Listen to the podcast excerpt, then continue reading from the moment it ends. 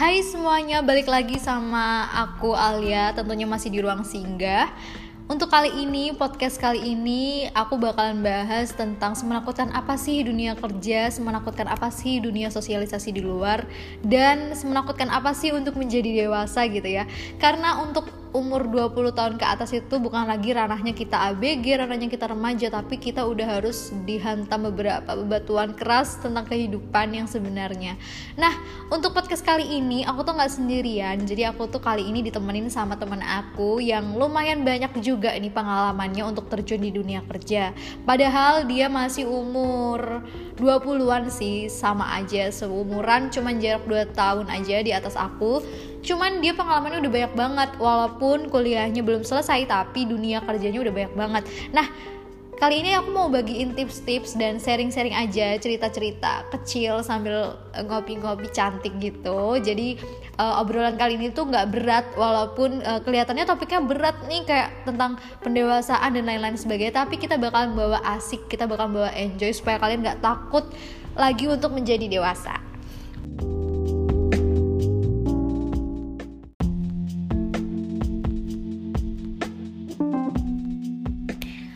Oke langsung aja. Ini tuh namanya Mbak Nata. Aku manggilnya Mbak Nata ya. Uh, Kita bisa langsung panggil aja Supaya Mbak Nata kenalan langsung nih Sama pendengar-pendengar relasi enggak Hai Mbak Nata. Halo semuanya teman-teman. Kenalin nama aku Nabil Nata. Bisa dipanggil Nata. Oke. Um, Mbak Nata Gimana nih kabarnya? Alhamdulillah kalau hari ini sehat ya. Masih oke-oke aja Bugar. Cuman ini kok mendung ya rasanya jadi oh, pengen tidur nih ya, iya. ya kalau sudah siang-siang gini. Bener banget ya, ini cuaca di kota kita tuh lagi mendung banget teman-teman. Tapi hari ini kita nih nggak boleh mager-mageran aja, nggak oh, boleh males boleh. gerak aja. boleh mager. Uh -uh, walaupun ini weekend, bukan berarti kita uh, rebahan aja di kasur, kita nggak produktif itu nggak boleh ya, karena uh, nikmatinlah masa remaja, uh, masa-masa umur 20-an nih kita harus menikmati karena ya, masa umur 30, 40 itu udah bukan ranahnya kita lagi nih untuk berjuang atau seproduktif dulu gitu kan. Betul, betul, betul. Oke, Mbak Nata, sekarang aku mau tanya nih. Uh, kesibukan Mbak Nata selama sekarang ini sih di uh, 2022 itu apa aja? Di 2022 pastinya ya karena kita harus punya banyak pengalaman ya pastinya okay. nggak boleh diem diem aja yang sudah dikatakan tadi nggak boleh malasan nggak boleh mageran karena okay. kalaupun kalau kita mager sedikit aja musuhmu itu banyak oh musuhmu itu banyak teman-temanmu yang ada di sekitarmu itu bisa jadi lawanmu lawan lawan yeah. arti katanya bukan buruk ya maksudnya oh, yeah, yeah. kita harus uh, misal kita diem kita harus kalau kita hari ini diem besok kita harus lari betul betul betul. Kalau kita mager hari ini besok berarti kita harus lari mengejar pencapaian yang harus kita capai. Betul banget. Oke jadi uh, menurut mbak Nata itu uh, dalam artian musuh tadi itu adalah uh, teman kita nih lagi gerak. Kalau kita diem kita stuck di tempat teman kita tuh udah jalan tapi kita masih diem aja di tempat yeah, gitu kan. maksudnya. kita lagi ngestak di tempat yang sama sedangkan teman kita tuh udah berprogres gitu. Nah uh, 2022 ini kan mau berakhir nih ya mbak ya. Uh, apa aja revolusi di 2022 yang udah Mbak Nata tuliskan yang akhirnya tuh terwujud gitu pasti dong semua orang tuh punya revolusi ya di tiap tahunnya kayak misalnya aku nih 2022 aku tuh mau uh, lulus dengan cepat terus atau enggak aku mau cobain pekerjaan yang baru aku mau eh, coba-coba uh, apa aja deh yang baru nah itu udah ke checklist. Nah, Mbak Nata nih apa aja nih yang udah ke checklist untuk Oke, tahun 2022? Terkait dengan harapan-harapan di tahun sebelumnya ya, ya betul, yang, betul. Yang diinginkan di tahun ini. Di tahun ini tercapai. Nah, karena uh, 2022 ini kan masih bulan September ya, oh, kan? ya betul. Pasti masih bulan ke-9 dan bulan ke-9 yang belum habis. Kalau dari Januari sampai Agustus ini eh, pencapaian-pencapaian uh, yang sudah tercapai yang sudah aku lakukan pastinya aku setiap tahunnya pasti pengen punya pengalaman yang baru di tempat yang baru. Karena memang aku sendiri pribadi yang sekarang belum kerja di kantoran yang memang kontraknya panjang gitu ya, yang bertahun-tahun jadinya. okay, jadi lebih ke freelance lebih ke gitu ya? freelance dulu. Okay, freelance. nah pengennya aku pengen menggali ilmu atau mendapatkan ilmu sebanyak-banyaknya dari tempat mana pun.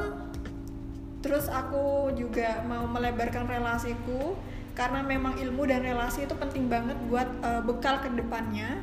Dan juga uh, ya udah itu sih. Memperbanyak relasi dan ilmu yang sebisa mungkin. Jadi eh, revolusi di 2022 Mbak Nata ini udah ke checklist semua ya, mulai dari mengembangkan relasi, terus kemudian memperbanyak juga eh, pengalaman ilmu di tempat eh, Mbak Nata freelance. Nah, seberapa penting sih Mbak ikut pengalaman kerja atau magang atau ikut freelance freelance seperti itu untuk kita yang umur 20-an ini? Uh, seberapa penting Men- menurut aku ya menurut Iya, aku. oke. Iya, iya, ini menurut Mbak Iya, Nata. Oke. menurut aku penting banget sih ya Oke, penting. karena balik lagi yang tadi itu ilmu dan relasi apa pun kalau menurutku ya apa pun eh, yang kalian dapetin misalkan daftar apa daftar apa terima aja. Ya wes ada yang buka daftar aja. Tidak usah milih-milih. Pekerjaan itu banyak. Mungkin untuk sebagian eh, orang kok aku lama ya gak dapat kerja yang ini?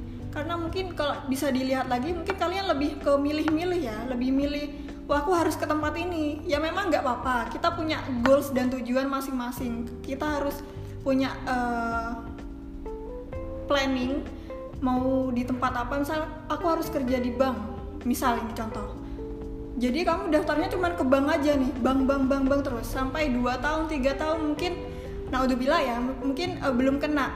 Jadi padahal pekerjaan itu banyak nggak bank aja. Potensimu nggak ada di sana aja. Jadi waktu karir break itu maksudnya karir break adalah waktu di mana kamu belum bekerja tetap ya menurut aku gitu. Jadi sebelumnya itu kamu daftar di tempat-tempat yang memang sudah buka lowongan. Baik itu freelance atau kontrak sementara ataupun kamu mengikuti pelatihan dan volunteer di tempat-tempat tertentu yang memang buka lowongan. Oke. atau bahkan yang minta aja nanya ke teman-temanmu eh kamu ada ada info pelatihan kerja nggak kayak misalkan pelatihan desain kamu suka Oh, desain. ya gitu-gitu. atau kamu suka eh, perkebunan nih ada pelatihan bercocok tanam nggak ya? Kayak hidroponik misal. Nah ikut aja itu. Nah karena dari pengalaman itu sebelum kamu menempati posisi yang enak tuh di mana apa?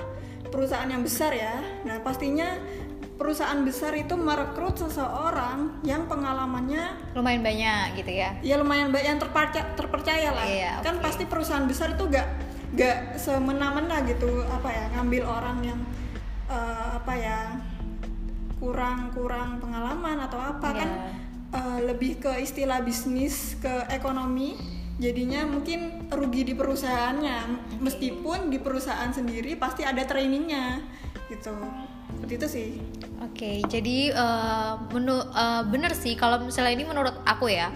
Kalau menurut Mbak Nata tadi kan penting. Jadi kalau menurut aku, kenapa sih kita perlu magang? Kenapa kita, kenapa pihak kampus juga menyediakan eh, program magang untuk anak-anak yang udah semester tua? Itu karena kita supaya tahu, supaya kita sebelum terjun ke dunia kerja itu kita nggak kaget sama Iya benar sekali sama seperti apa sih dunia kerja itu Eh, benar sih dunia kerja itu emang lebih kejam daripada dunia perkuliahan mungkin nih ya kalau kita sekolah terus kita masuk kuliah itu mungkin kita kaget kayak kok ternyata teman kita nggak sesolid dulu? Ternyata teman kita nggak sesolid waktu kita sekolah. Itu masih belum seberapa guys.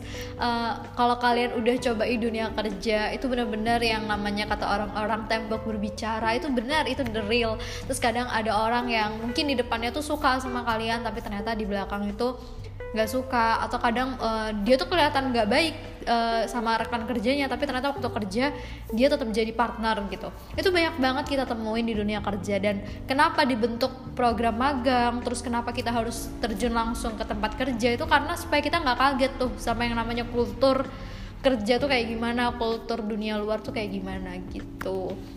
Jadi aku setuju banget sama Mbak Nata kalau misalnya uh, program magang terus kita mengepakkan sayap di dunia kerja untuk uh, mencari pengalaman. Nggak perlu kerja yang uh, berat-berat ya kalau misalnya untuk kuliah karena emang nggak bisa nih dibarengin kuliah sama kerja karena apalagi kita sekarang udah tatap muka 100% karena covid udah selesai. Jadi uh, mungkin kalian bisa ngambil freelance atau part time jadi bisa di hari weekend aja tapi kalau misalnya itu kalian mau produktif kalau misalnya kalian udah cukup produktif nih kayak kuliah terus habis itu udah ikut Oh, organisasi ya betul betul bisnis online itu juga bisa karena kita dengan bisnis online tuh ketemu banyak orang ketemu banyak ma banget macam orang jujur aku udah terjun di dunia online ini udah lama banget dari aku kecil dari aku SD cuman kan ranahnya waktu SD nggak serius-serius banget ya mbak ya jadinya iya. waktu kuliah ini bener-bener udah serius oh aku bisnis ini aku aku udah punya titik terang nih aku mau bisnis ini dan aku sukanya di sini gitu oh iya Uh, aku boleh tanya nggak? Iya boleh boleh boleh banget.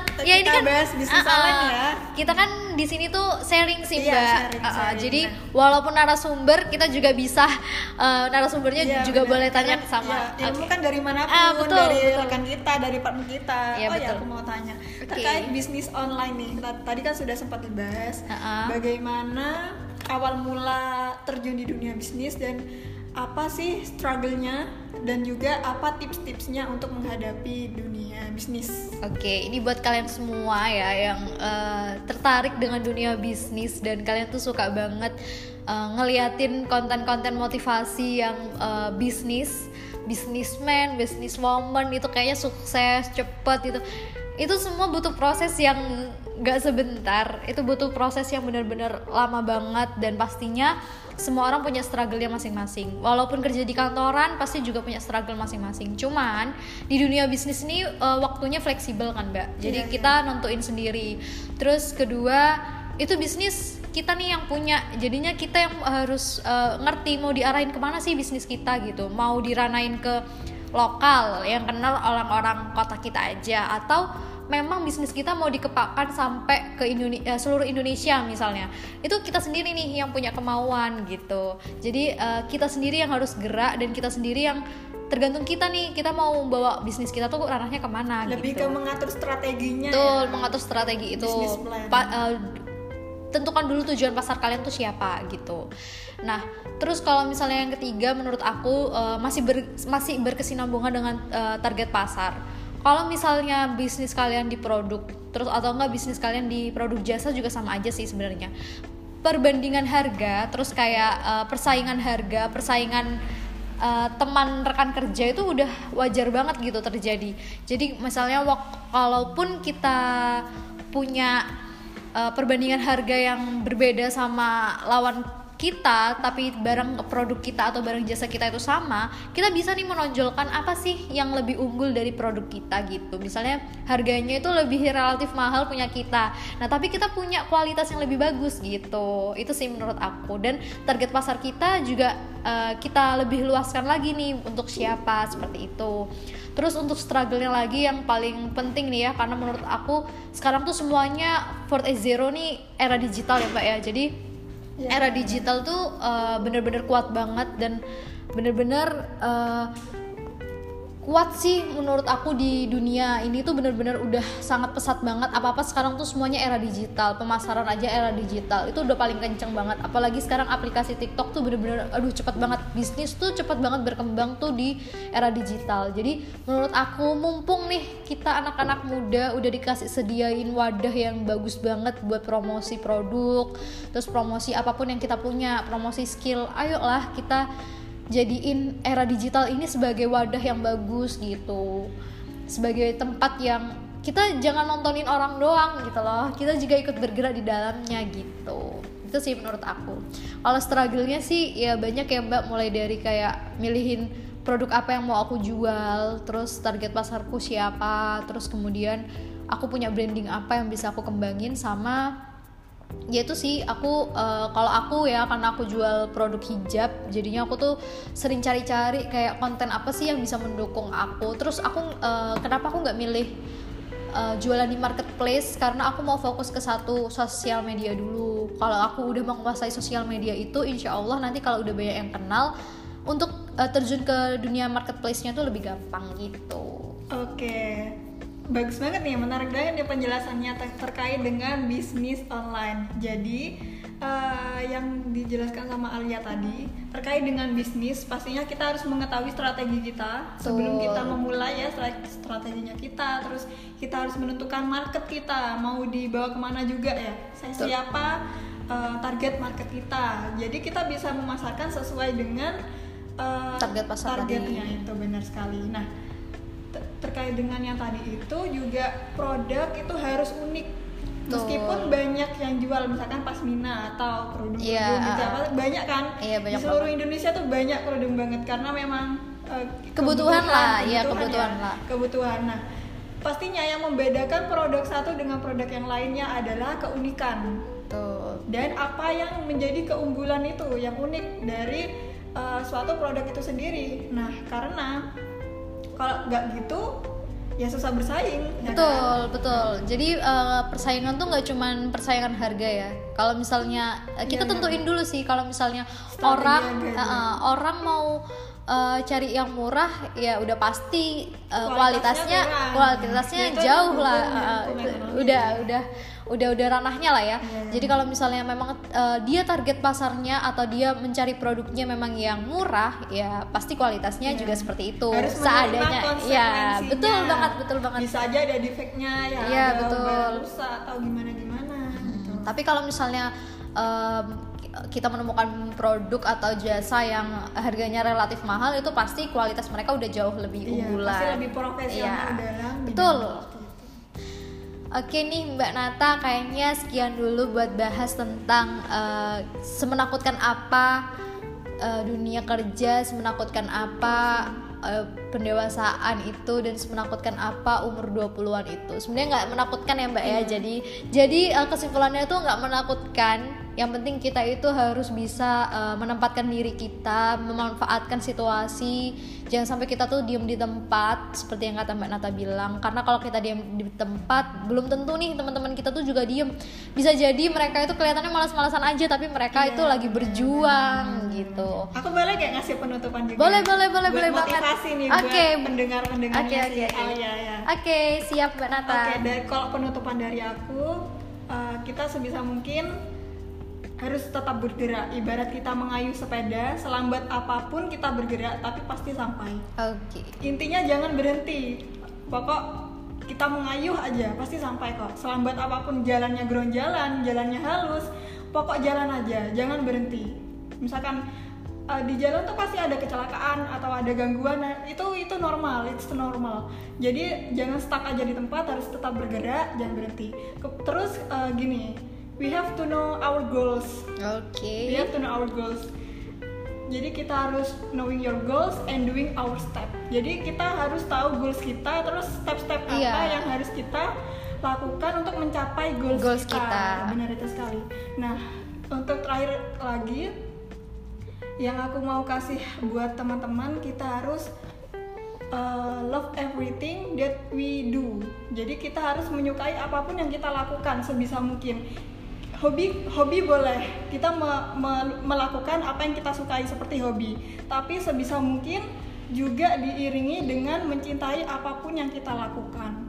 Gak usah milih-milih, wes lakukan aja gitu. Oke. Apa pun yang terbaik itu wes lakukan aja. gitu. Oke, berarti eh, kita itu eh, walaupun kita punya goals, kalau misalnya kita punya goals, bener sih bermimpi setinggi tingginya, tapi kalau misalnya mimpi nggak ada eh, apa, nggak ada doingnya, nggak ada gimana caranya ya kita bisa nyampe ke goals itu sama Yes, aja nihil guys. Ah, jadi sama aja nihil Eh, tanpa adanya perlakuan tanpa adanya perjuangan sama aja goals kalian cuma sekedar mimpi gitu Iya, sih. betul sekali. Nah, kayaknya cukup sampai segini segini aja ya Mbak ya. Cukup sampai sekian thank aja untuk pembahasan se- menakutkan apa sih masa-masa pendewasaan ternyata nggak menakutkan guys. Nah, semoga kalian bisa mengambil hikmah dari obrolan aku sama Mbak Nata hari ini dan semoga kalian bisa jauh lebih produktif setelah ini. Terima kasih ya Mbak Nata udah bagi-bagi tips Ya, buat thank teman you, relasi sudah. Oke, bye.